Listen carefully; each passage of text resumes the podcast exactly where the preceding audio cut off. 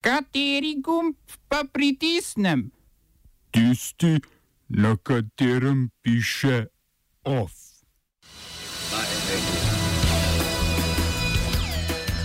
Švedsko toživstvo ponovno odpira preiskavo proti Julianu Assangeu. V Litvi bo predsednik znan po drugem krogu volitev. Pulska ladjedelnica Uljanik v stečaj.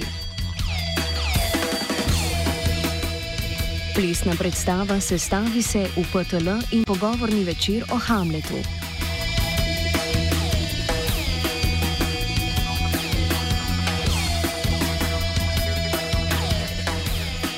Švedsko toživstvo bo ponovno odprlo preliminarno preiskavo proti Julianu Assangeu zaradi domnevnega posilstva avgusta leta 2010.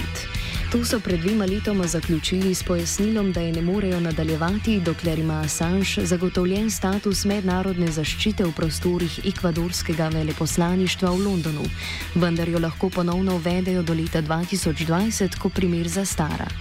Ustanovitelju Wikileaksa, ki se po aretaciji 11. aprila trenutno nahaja v londonskem zaporu Belmarsh, kjer prestaja 50-tedensko kazen zaradi kršite pogojnega izpusta, tako ponovno grozi izročitev švedski na podlagi evropskega pripornega naloga.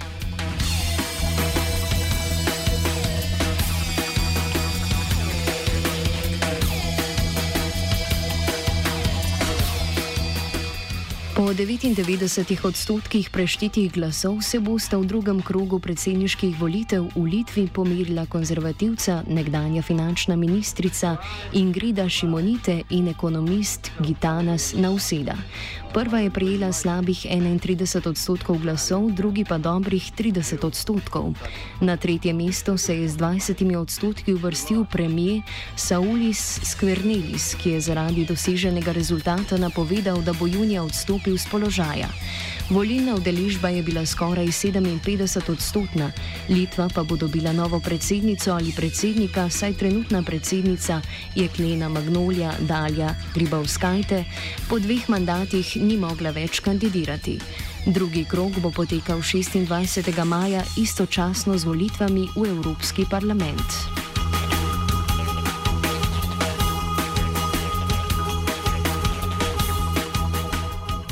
Zmagovalec parlamentarnih volitev v Republiki Južni Afriki je že šestič zapored, torej kot vsakič od odprave apartheida leta 1994, Afriški nacionalni kongres poznan pod kratico ANC. ANC je dosegel zmago v osmih od devetih provinc in skupno dobil 57,5 odstotka glasov oziroma 230 poslancev. V preostali provinci pa je zmagalo demokratsko zavezništvo, ki ga sestavlja večinsko angliško govoriče bilo polno članstvo in je skupaj osvojilo 20,8 odstotka oziroma 84 poslanskih sedežev.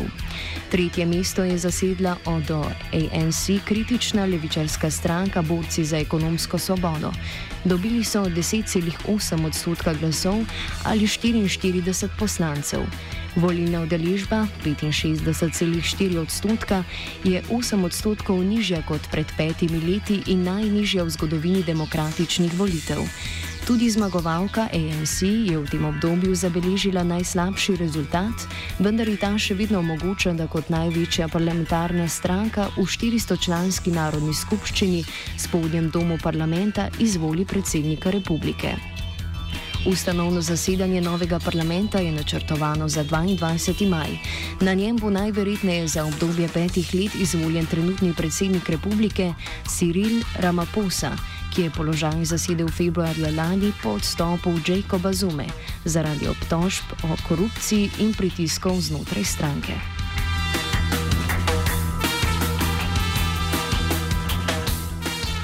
Razklana desno-sredinska koalicija Cambiemos argentinskega predsednika Mauricija Makrija je na lokalnih volitvah v provinciji Cordoba doživela poraz proti kandidatu peronistov Juanu Skaretiju.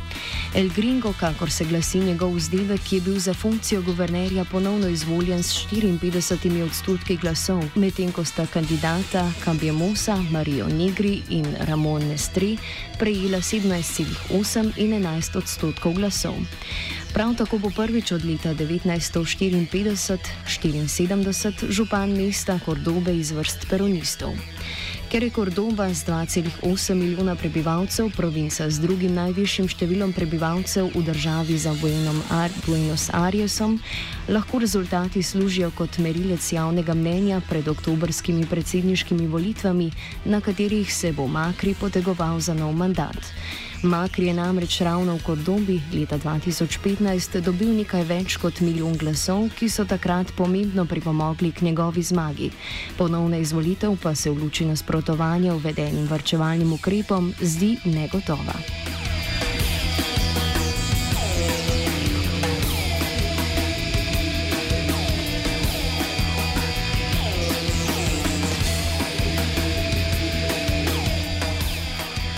Sodišče za gospodarske zadeve v Pazinu je po večkratnem predstavljanju naposled razglasilo stečaj pujske ladjedelnice Uljanik. Odločitev o stečaju bodo v roku treh dni objavili na oglasni deski sodišča, s čimer se bo uradno začel stečajni postopek v ladjedelnici, ki je bila ustanovljena leta 1856 za časa avstrijskega cesarstva. 1118 zaposlenim, ki so brez plače več kot 8 mesecev, bodo vročili odpovedi pogodb, njihove terjatve pa predstavljajo skoraj polovico dolga, dolga ladjedelnice, ta znaša 164 milijonov kun oziroma 22 milijonov evrov. Ladjedelnica Uljani, ki je del Uljani grupe, pod okriljem katere je tudi Reška ladjedelnica 3. maja, odločitev o stečaju lete bo Reško sodišče za gospodarske zadeve sprejelo 5. junija. Za slednjo naj bi zanimanje kazala China Shipbuilding Industry Corporation, ena največjih ladjedelniških družb na svetu, vendar konkretne ponudbe niso poslali. Obravnava o stečaju celotne Uljani grupe je napovedana za 17. maj.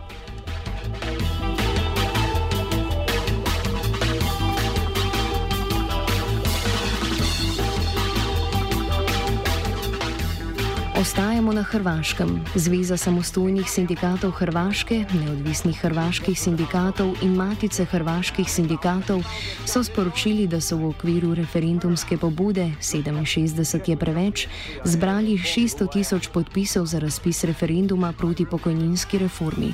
Na vrsti je uradno preštevanje in preverjanje podpisov. Za uspeh referendumske pobude je treba zbrati podpise 10 odstotkov vseh voljivcev, torej okoli 375 tisoč. Končno odločitev glede pobude bo sprejel Hrvaški sabor, ki lahko zaprosi za ceno ustanovitve pobude. Sindikati zahtevajo delno spremembo pokojninske zakonodaje, ki so jo uveljavili začetkom letošnjega leta, predvsem znižanje upokojitvene starosti z 67 na 65 let in znižanje malusa pokojnine na nič celih 2 odstotka za vsak mesec predčasne upokojitve na mesto sedanjih nič celih 3 odstotka. Omenimo še, da je civilna inicijativa Vzemite denar strankam s podporo stranke Živi zid včeraj začela zbiranje podpisov za razpis referenduma o financiranju političnih strank, s čimer želijo prepovedati financiranje iz državnega proračuna.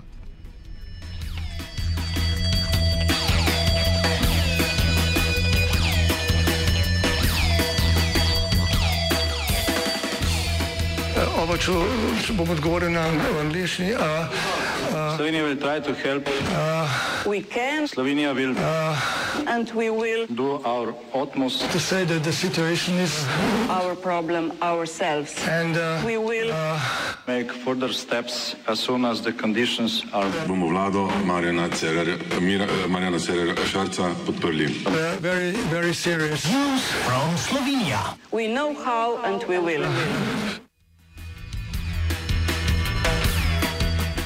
V Črnomlju je v soboto potekal protestni shod, ki ga je organizirala civilna inicijativa proti migranskemu centru v Beli krajini. Zbrani bilo jih je nekaj sto, so zahtevali večje varovanje meje s Hrvaško, preprečitev nezakonitih migracij in zaustavitev aktivnosti za postavitev migranskih sprejemnih centrov. Mitinga se je udeležil tudi cvetobir slovenske politične desnice. Prisotni so bili predstavniki SDS, SLS, Domovinske lige, Gibanja Zedinjena Slovenija, pa tudi župan Lirske bistrice iz vrst SD Emil Rujc. Slovenska vojska je za namen delovanja na območju južne meje na območje policijske postaje Lirska bistrica sicer napotila 35 novih vojakov. Why don't you enlighten Državni zbor je na predlog vlade z 39 glasovi za in 27 proti ter z 38 glasovi za in 29 proti sprejel zamik noveli zakonov, s katerima je z izvedbo novega cikla množičnega vrednotenja nepremičnin zamaknil z julija na marca prihodnje leto. Hkrati to pomeni, da se za omenjeno obdobje podaljša veljavnost obstoječega sistema. Vlada je za mik predlagala, da se uredijo vsi podatki in uskladijo novi modeli vrednotenja, s čimer želijo ob preteklih negativnih izkušnjah ob uvedbi nepriljubljenega nepremičninskega davka doseči čim večjo splošno družbeno sprejemljivost, karkoli naj bi že to pomenilo.